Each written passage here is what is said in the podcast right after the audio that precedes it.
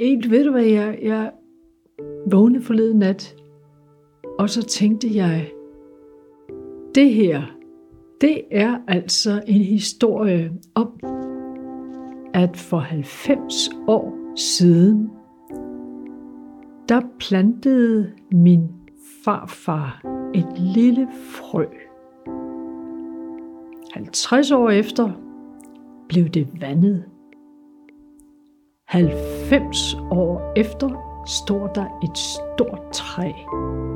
Det, det, det lå jeg der midt om natten og spekulerede på. Det her er Louise Lærke Lærkenborg. For 90 år siden skete der noget mærkeligt i hendes familie.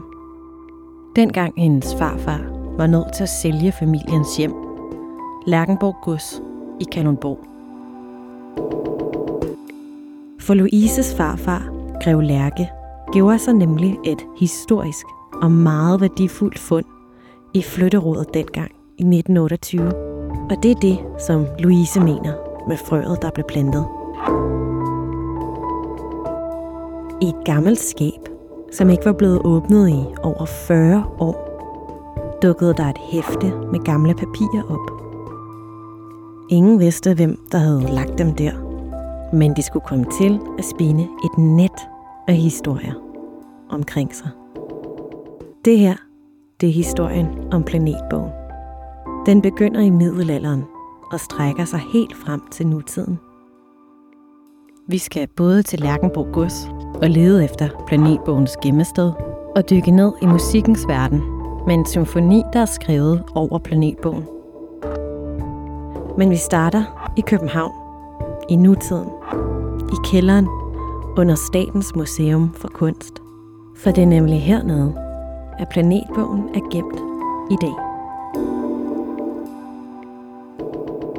Du lytter til Mysterier fra Museet.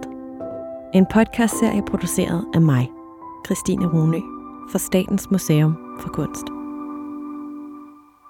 I den her podcastserie vil jeg efterforske nogle af de historier, der gemmer sig bag kunsten og udstillingerne på SMK. Og jeg har fået en mail af Hanne Kolin Poulsen.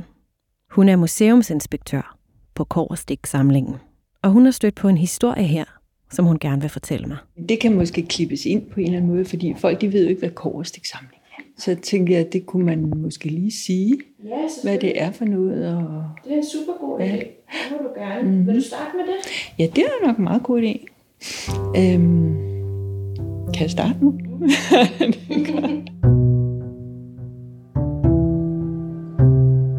Koverstiksamlingen er en afdeling af Statens Museum. Så alt kunst på papir, det er faktisk en del af koverstiksamlingen. Så der er tegninger, og der er fotografier, og træsnit, og litografier, og hvad der er forskellige grafiske te- teknikker. I mailen fra hende står der planetbog i emnefeltet. Vi skriver lidt frem og tilbage, og det ender med, at Hanne tager mig med ned i kælderen under SMK. Hun vil vise mig den her planetbog, som altså ligger opbevaret i magasinet.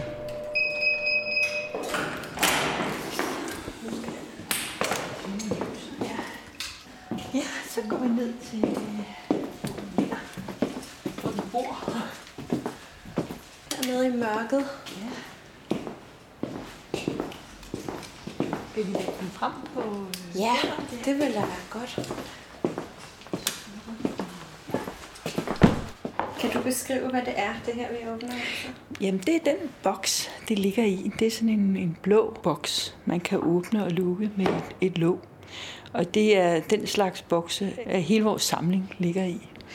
Øh, vi kalder dem for solanderkasser. Det er noget af det tidligste, vi har i samlingen. Øh, den er fra cirka midt i 1400-tallet.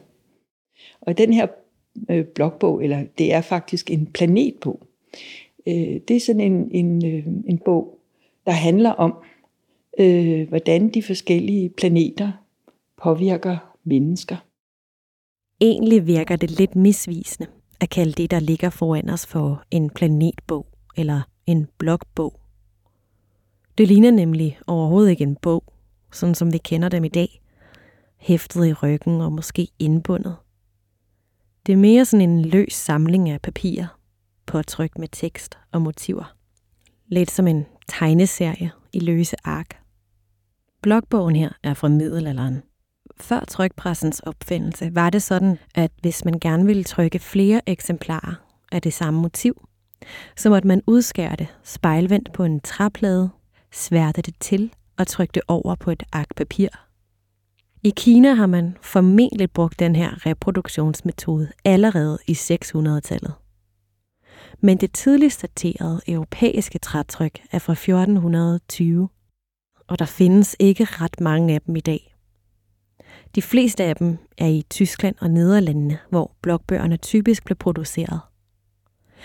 Men den her er altså på en eller anden måde kommet til Danmark og ligger i dag i Kog og samlingen Det blev fundet i øh, 1928 på Lærkenborg Gods, der ligger sådan øh, i nærheden af Kalundborg. Øh, og det var øh, lidt tilfældigt, man fandt det. Lærkenborg Gods blev bygget i midten af 1700-tallet af general Christian Lærke. Et smukt hvidt slot i et landområde tæt ved vandet ud for Kalundborg. Alt tyder på, at han var overordentligt tilfreds med sit nye hjem. På facaden ud mod den brostensbelagte forgård fik han ophængt en stentavle med latinske inskriptioner, hvor det lyder Hvad kan man bedre ønske sig her i livet, end i sit fædreland, i sit hjem, under tæt tag, uforstyrret at høre regnen falde.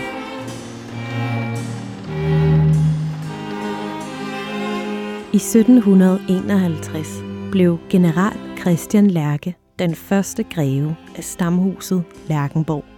Og i Lærkenborg-slægten kom de første fødte sønner senere til at hedde Christian. Og godset var et stamhus, som altså gik i arv fra den ene Christian Lærke Lærkenborg til den anden igennem århundreder. Men i starten af 1900-tallet sker der noget, der forventer alting på hovedet for lærkerne af Lærkenborg. Under det, der hedder lens afløsningen, kommer adlen kort fortalt til at mangle penge, og mange er nødt til at sælge deres land fra til husmænd. Det rammer også Lærkenborg. På det her tidspunkt er det lensgreve Christian Cornelius Lubi Lærke Lærkenborg, som sidder på godset. Og han er altså kommet i pengebeknep.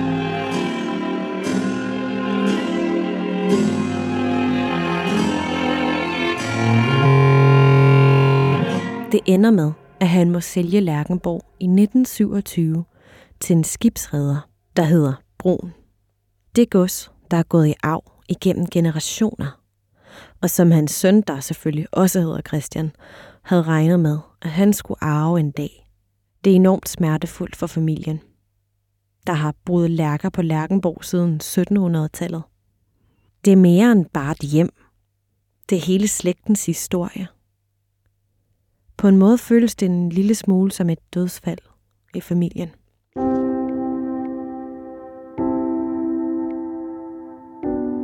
Det der med at endevende alting og skabe overblik over inventaret på godset og hvad der gemmer sig rundt omkring i skuffer og skabe, det har der ikke rigtig været anledning til at gøre før nu.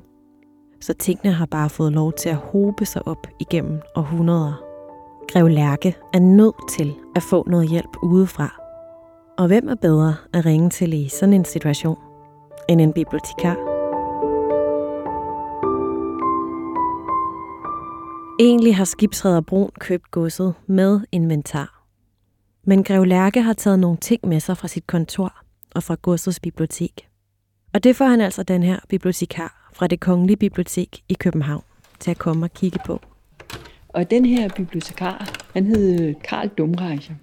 Og han sad og kiggede tingene igennem, og så pludselig så finder han sådan et gammelt pergamentbind. Fra et blogbogsfund i Danmark med indledning af Karl Dumreicher. Ved i foråret 1928 at gennemgå lensgreve Christian Lærkes bogsamling, stødte jeg på et gammelt pergamentspind, der blot var benyttet som skærmende gemme for højst forskellige og løst indlagte papirer. Det her pergamentbind, det havde ligget i et skab i øh, Grev Lærkes kontor på Lærkenborg. Et skab, der ikke havde været åbnet i 40 år, sagde han. Mellem disse var også syv kolorerede træsnit, med håndskrevet tekst på bagsiden. Og han vidste ikke rigtigt, hvad det var. Egentlig. Han kunne godt se, at der var et eller andet her, der var usædvanligt. Ikke? De syv blade var alle velbevaret, og alle klæbet på falsede støtteark. De seks var sammenhæftet med brun sejlgarnsnor, mens det syvende, der lå løst, synes at have siddet forrest.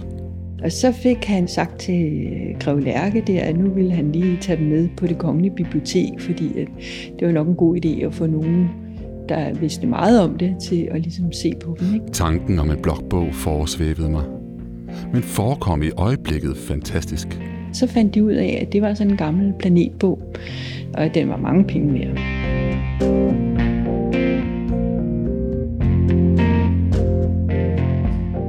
Det pergamentspind, som Karl Dumreicher tilfældigvis har fundet blandt Grev Lærkes gemmer, viser sig at være 500 år gammelt. En blokbog fra middelalderen. Grev Lærke aner ikke, hvor den kommer fra. Det eneste, han med sikkerhed ved, er, at skabet, den lå i, ikke har været åbnet i hans tid som greve. Og alt tyder på, at blokbogens gemmested i skabet på Lærkenborg har været godt, for den er komplet velbevaret, og farverne er stærke. På et tidspunkt er der nogen, der har gemt den der. Men hvem? Og hvorfor?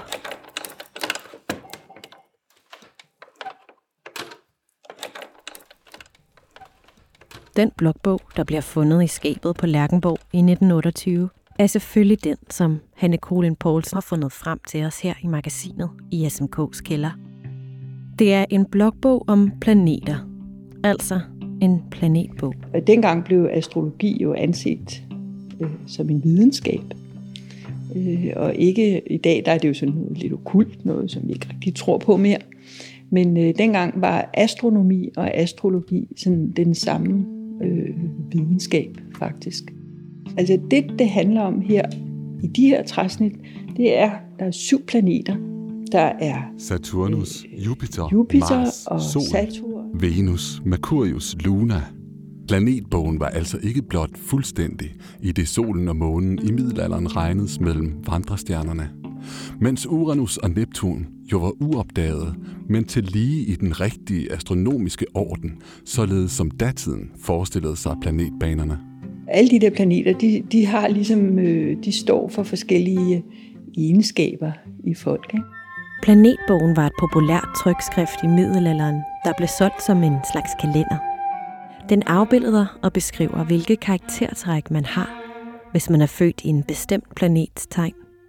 Lidt ligesom vores horoskoper i dag. På hvert af de syv blade ser man øverst en tegning af planeten, personificeret og afbildet i en menneskekrop. Altså alle de der planetguder, det er jo de gamle romerske guder også. Ikke? Og Merkur, han var gud for handel. Han har sådan en pengepose her. Ikke? Nedenunder tegningen af planetguden ser man som menneskerne, som udfører forskellige handlinger, der åbenbarer den astrologiske påvirkning, de er under. Og, øh, og det kan man se på alle bladene. Ikke? Øh, For eksempel er bladet med Venus, der er mange, der elsker sådan har affære med hinanden. Der er en kvinde, der sidder på skødet af en mand, og, og der er nogen, der er i bad sammen. Meget interessant. På bagsiden af arket står der en lille uddybende tekst på latin. På bladet om Merkur står der for eksempel. Den, der er født i Mercurius' tegn, har stærk skægvækst. Han vil sikkert vise sig at være skabsindig, sandfærdig, slank og klog.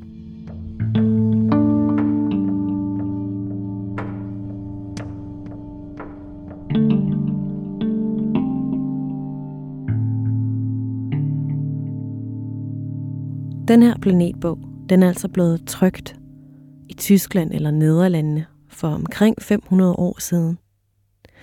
Og så er den på en eller anden måde kommet til Danmark og er endt i skabet på Lærkenborg Gods. Det er egentlig ikke så mærkeligt, at den har kunne gemme sig i 400 års tid på et gods, hvor der i forvejen er så mange gamle værdifulde ting. Men da den pludselig blev fundet der i 1928, der vakker den altså stor opsigt. Så snart det kommer frem i offentligheden, at der er blevet fundet en blokbog fra middelalderen på Lærkenborg Gods, er der flere købere fra hele Europa, der melder sig for at overbyde hinanden. Fra Ekstrabladet den 21. september 1928. Grev Lærke, som snart blev bekendt med, at blokbogen havde stor pengeværdi. Et herværende antikvariat bød straks 5.000 kroner. Viste til trods herfor straks forståelse over for ønskeligheden af, at bogen bevaredes for Danmark. Og hans forståelse mindskedes ikke, da det fra udlandet oplystes, at bogens pengeværdi snarest måtte skrives med et sekscifret tal. Øh, Lærke der, han, jeg, måske havde han brug for nogle penge, eller også har han måske tænkt, altså hvad skulle han egentlig bruge en blogbog til? Ikke? Men han, var, han ville gerne sælge den. Og Koverstiksamlingen i Statens Museum for Kunst ville jo vældig gerne have den. Øh, men det var jo en dyr sag. Og det var jo internationalt, men altså der var jo et internationalt marked for det her. Ikke? Det var øh, Tyskland og Nederlandene og sådan noget. Ikke? Så fandt man ud af, hvad sådan en kostede, og det var i 1928, der var det 100.000 kroner. Og der er en af mine kolleger, der har sagt, at det er jo sådan 10-15 millioner i dag. Øh, men så Ny Carlsbergfondet øh, var jo også aktiv dengang, ikke? og de købte den af Grev Lærke, øh, og så forærede de den til Korstiksamlingen. Så havnede den faktisk her ret hurtigt. Så planetbogen ender altså i Korstiksamlingen. Og Grev Lærke får, hvad der i dag svarer til 10-15 millioner for den. Men historien stopper ikke her. For nu opstår der stridigheder mellem Lærkenborgs tidligere ejer, Grev Lærke, og godsets nye ejer, skibsredder Brun. Den her øh, skibsredder, han, øh, han synes jo ligesom, at det var hans bog, ikke? Fordi øh, at nu da den jo var så mange penge værd, så synes han ligesom, at den, altså, det skulle ikke gå til Grev Lærke det hele. Fra Berlingske Tidene den 20. februar 1929. Skibsredder Brun hævder, at bogen er hans ejendom. Han lagde sagen. Da skibsredder Brun alene skrev Lærke for nogle tid siden købte Lærkenborg, medfulgte i handelen en del af Lærkenborgs løsøer, herunder biblioteket. Han argumenterede for, at øh, det var jo en blokbog, så det var jo en bog, og den måtte jo have været i biblioteket. Den måtte jo have hørt til biblioteket, og biblioteket var jo ligesom gået med øh, godset, da, da salget fandt sted. Ikke? Øh, så han mente faktisk, det var hans bog, som Lærke uretmæssigt havde taget med sig.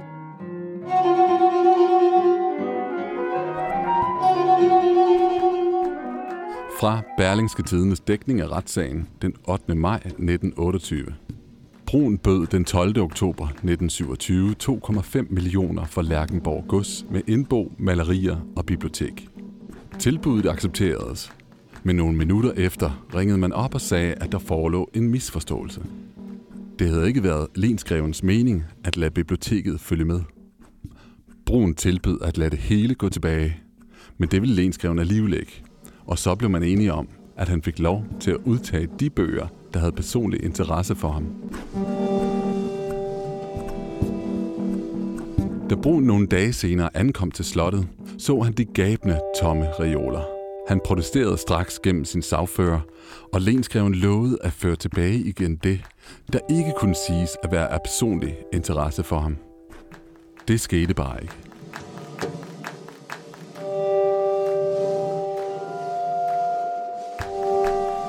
På det tidspunkt var det, at bibliotekar Dumrækker finder den såkaldte blokbog.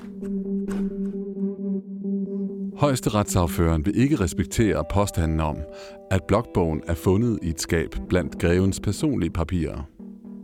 Nationaltidene den 25. april 1930. Højesteretsafører Kohn oplyste, at da greven og grevinden havde gennemgået biblioteket og var stødt på blokbogen, havde greven sagt, det var da en morsom gammel bog. Lad os tage den med. Og det endte med, at øh, Grev Lærke han faktisk vandt sagen.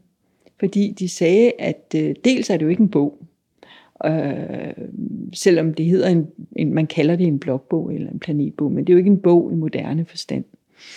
Øh, og dels havde den jo været i det der skab, øh, som ikke var en del af biblioteket. Den havde aldrig været registreret i bibliotekslisterne øh, og sådan noget, ikke? så den var ikke en del af biblioteket. Berlingske Tidene den 28. april 1930.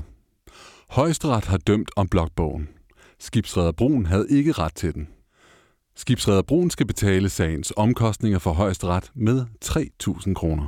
Det var en svær sag for skibsredder Brun, ikke? og han, han tabte med et brag, og han fik lov til at betale omkostninger. Han solgte i hvert fald godset ret hurtigt bagefter. Retssalsdramaet er overstået, og Greve Lærke har fået tilkendt retten til salget af planetbogen. Men Lærkenborg gods er stadig tabt.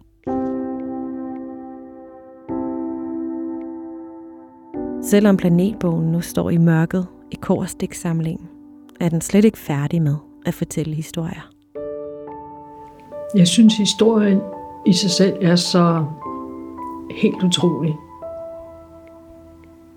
Um, at man finder, finder sådan noget skjult, og viser sig at være sådan en kronjuvel. Jeg mener, det er jo en, en utrolig historie.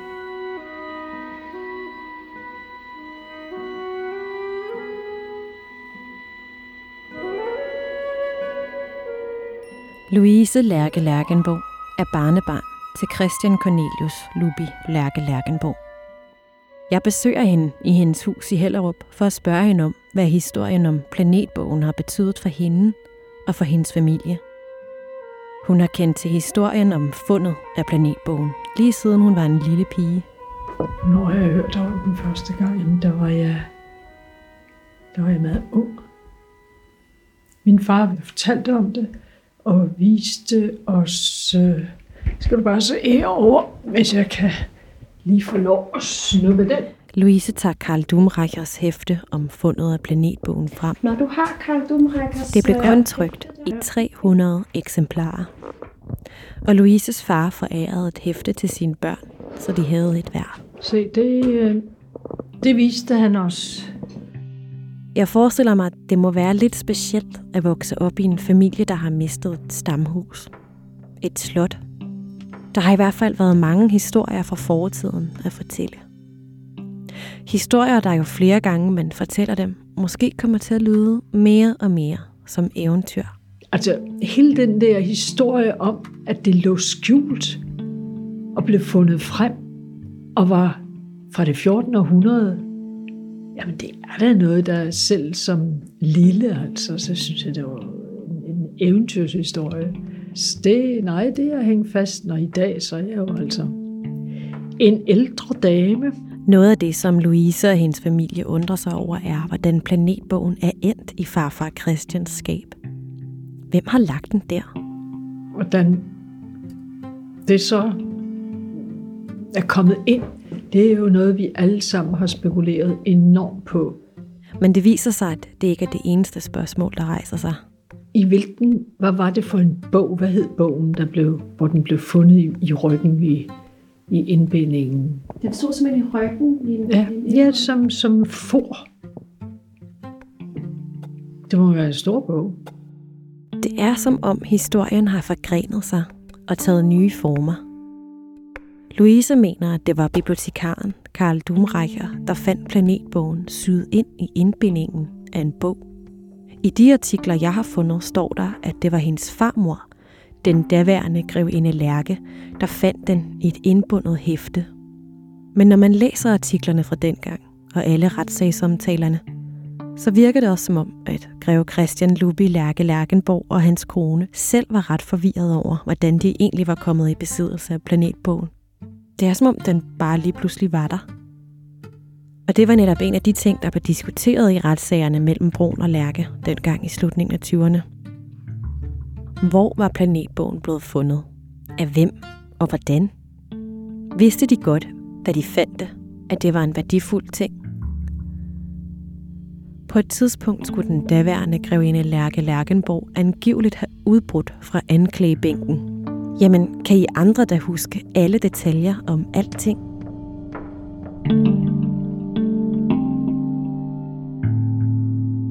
Louise fortæller mig, at det var en svoren mission for hendes far at vinde Lærkenborg gods tilbage i familien.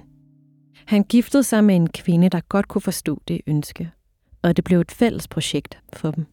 Og de havde ikke nogen økonomi til det, men var dygtige, og de øh, ja, og heldige, da de øh, blev gift, så, så min salighed og min mor ikke vandt et øh, hus på en lodseddel, sådan et øh, rækkehus. Det solgte hun, og så havde hun nok til, at så havde de kunne tage til Rom på bryllupsrejse. I 1952 lykkedes det for Louises forældre at købe Lærkenborg Gods. Jeg tror, at man siger, at det er første gang, når man har sluppet det, altså familien har fået det tilbage igen. Kan du huske det, hvordan det var, da godset kom tilbage? Ja, det kan du tro, jeg kan. Der var jo stor fest i Aarby, og øh, den lille landsby lige ved siden af, og det, der, der var, de var så glade for, at lærkerne var kommet tilbage. Ja, der var virkelig glade dage. Louise Lærke Lærkenborg har altid interesseret sig for musik. Og efter at Lærkenborg Gus er kommet tilbage i familien, begynder hun at arrangere koncerter i en af salene. Hun arrangerer koncerter og festivaler i omtrent 30 år, fra 1960'erne og frem til 90'erne. Og det er også til en af de koncerter, at hun møder komponisten Paul Rosing Olsen. De bliver gift og flytter sammen i et hus i Hellerup. Og en dag får Louise den indskydelse at vise ham Karl Dumreichers hæfte og fortælle ham om planetbogen. Jeg synes, det var en spændende ting. Og jeg har ikke gået og tænkt på den sådan lige, øh, men det var sådan en indskydelse, hvor jeg her ved morgenbordet i spisestuen, ikke? Øhm, sagde til Paul, ej, nu skal du se, jeg har sådan en spændende bog. Øh, det skal du kigge i. Og så sad han og kiggede i den, altså jeg havde bare lyst til at vise ham den. Og så mens vi sad og kiggede på den og snakkede om den, og så læste de der tekster, de latinske tekster, der er oversat til dansk om, når du er født i det og det, så, så er du sådan og sådan. Og så slog det mig som komponist, det må da være lige alle tiders at kunne få lov at udtrykke i musik. Og så sagde jeg til ham, ved du hvad, kunne du ikke tænke dig at, at skrive noget musik over det her? Åh, oh, det kunne han godt. Han var, han var så interesseret i det med planeterne. Paul går ned i sit studie i kælderen i deres hus i Hellerup og begynder at komponere. Han komponerer en hel symfoni i hovedet, inspireret af teksterne fra Planetbogen. Og et halvt år senere bliver symfonien Planeterne uopført i en af salene på Lærkenborg Gods. Det var i efteråret 1978, og dermed altså tilfældigvis nøjagtigt 50 år efter, at blokbogen blev fundet.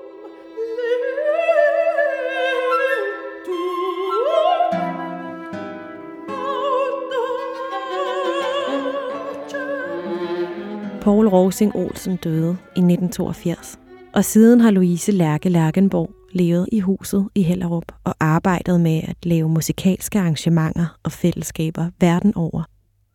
Væggene i hendes hus er tapetseret med plakater, der viser, hvor mange ting hun har haft gang i. Det har blandt andet været en drøm for hende at få indspillet sin mands værk, Planeterne.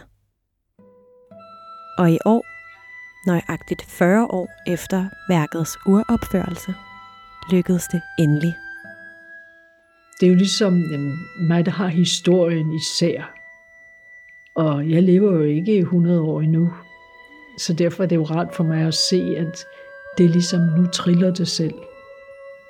Og det, ja, som jeg sagde før med mit lille øh, billede, at så er der kommet et stort træ nu. Og det, det føler jeg, at øh, så må vi se, at der kommer måske også frugter en dag på træet. Ikke? Altså ting, der udvikler sig. Det er jo det, der er pragtfuldt. Det er det, der er livet i det.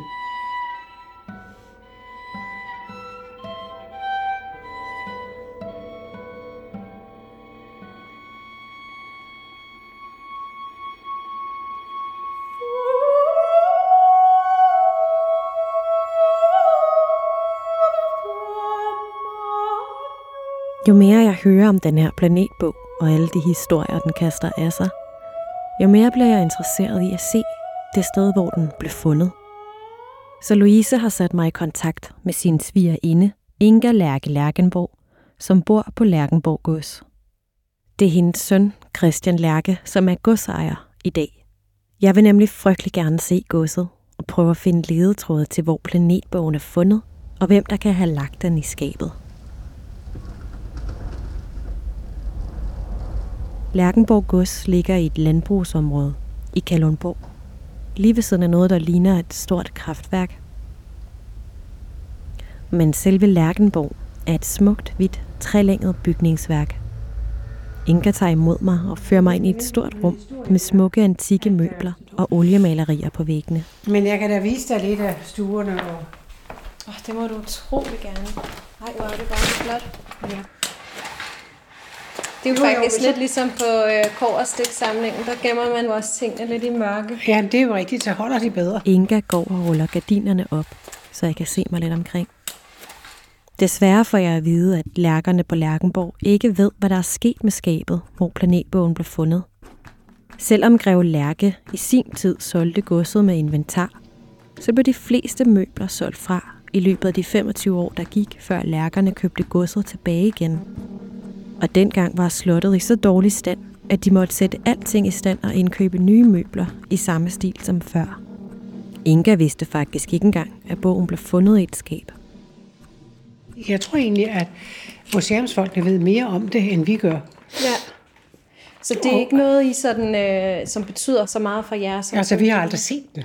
Nå, okay. Men den er kommet hertil på et eller andet tidspunkt. Vi mås- tror måske, at hende der, hun, hun var gift med ham, der byggede huset. Inga peger på to store indrammede oliemalerier, der hænger på væggene over hver deres åbne ildsted.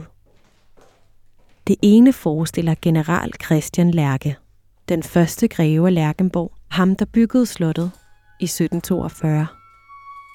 Og så er der et maleri af en kvinde, hans kone.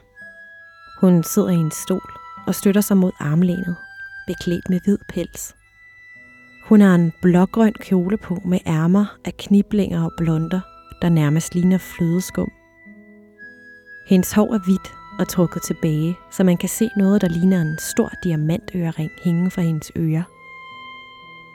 Det er Amalie Margrethe Christiane Karoline Lærke, den første grevinde af Lærkenborg. Hun levede fra 1713 til 1800 og blev gift med general Christian Lærke i 1744.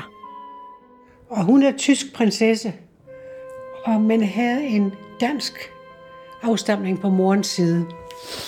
Men øh, vi tror, at hun kommer til Danmark, at så har hun den med, for det er jo sådan en international ting, det er jo ikke bare en dansk ting. Nej. Så vi, det er den eneste forklaring, vi har. De er jo døde, dem der kunne fortælle det. Og man har ikke øh, lagt en, en lille skriveri om, at nu er det der, den bog ligger der, og der, den havde jeg med fra Tyskland. Vel? Øh, og sådan er det jo gennem alle generationer. Så vi gætter os jo lidt til tingene, når vi finder noget, der er spændende. Man har nok ikke vurderet, at det har været noget, der skulle have interesse. Nej, det har man ikke tænkt. Nu Nutiden, det var bare det. Nå ja, det er bare det. Så. Man har ikke tænkt på, at der kom 10 generationer efter, der gerne ville vide noget om det. Nej. Det minder mig lidt om noget, som Henrik Colin Poulsen fortalte mig, da hun viste mig blogbogen. Jeg spurgte hende om, hvorfor der ikke var flere af dem, der var blevet bevaret for eftertiden. Og det har noget at gøre med, at planetbøgerne var et populært tidsskrift, og ikke noget, der blev regnet for at være specielt værdifuldt i sin samtid. dengang, der var historien jo flad, kan man sige. Ikke? Der var noget, der var nyt, og der var noget, der var gammelt. Men hvor gammelt det var, det, det var man ikke så interesseret i. Det var bare ikke nyt. Øh, hvor i dag, der har vi jo sådan en dybde i historien, ikke? hvor vi, vi ligesom ved, at noget er fra 1600-tallet, og noget er fra 1400-tallet. Ikke? Og vi har sådan ligesom en, en dybde i vores hjerne, der forstår den der tidsforskel. Ikke? Og vi interesserer os også for det, altså den der kronologi og sådan noget. Ikke? Men det gjorde man ikke dengang. Så man har ikke, man har ikke sådan tænkt på bevaring og, og sådan noget overhovedet. Men mindre de var noget værd, ikke? Altså den, den kostbarheden har man jo altid passet på. Hvordan vurderer man, hvad der er kostbart og værdifuldt? Jeg spørger Inga, hvad planetbogen har betydet for Lærkenborg og for familien. Jamen, jeg, jeg tror ikke, den sådan set har betydet noget for landet, men den kan betyde noget for de ejere, som sælger den. og som måske har fået et beløb, der kunne hjælpe dem med, med at overleve og komme videre. Mm. Fordi den, som sådan kan den jo ikke have betydet noget for mennesker. Og det er et, et klinodie, som er spændende, og vi har jo hørt om den, men øh, den har jo været gemt væk. Så hvad den har betydet for slægten, det skal jeg ikke kunne sige. Nej. Det var en værdi, værdifuld ting, der var her. Måske er det der med kostbarhed og værdi lidt svært at fastslå, når det kommer til stykket. For koverstiksamlingen er planetbogen et klinodie, der skal passes på og bevares for eftertiden. Det er jo et, et lidt sjældent indblik i, hvordan almindelige mennesker så verden. Fordi meget af det, der er bevaret fra den tid, det er jo overklassens øh, kunst og kultur. Og vi har egentlig meget lidt af, af sådan de lavere klasser. Øh, og det er jo altså meget vigtigt for at vide, hvad det var for et samfund. Og hvad det var for et verdensbillede. Det er jo et udtryk for et bestemt verdensbillede. Ikke? For grev Christian Cornelius Lubi Lærke Lærkenborg var planetbogen måske det, der skulle til for, at familien kunne holde hovedet over vandet i en hård tid. Og for hans søn var planetbogen et eventyr, som han kunne fortælle videre til sine egne børn. Men for Louise Lærke Lærkenborg blev planetbogen til en fortælling mellem hende og hendes mand. Du og din mand efterlader i hvert fald et værk sammen. Ja, det er dejligt. Ja, det er dejligt. Et frø, der blev til et stort træ, der måske blomstrer videre en dag.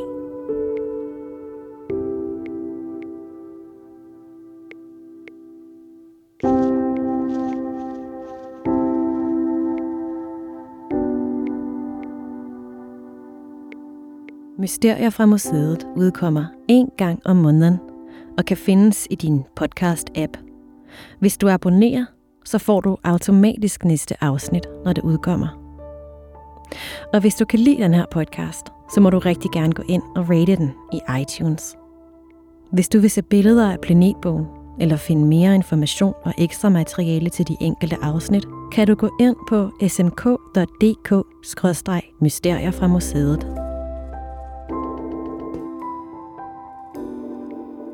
Mysterier fra museet er produceret af mig, Christine Runø, og mastereret af David Runø. Musikken er komponeret af David Ronø og Blue Dot Sessions. I redaktionen sidder Daniel Schmidt og Jonas Heide Schmidt.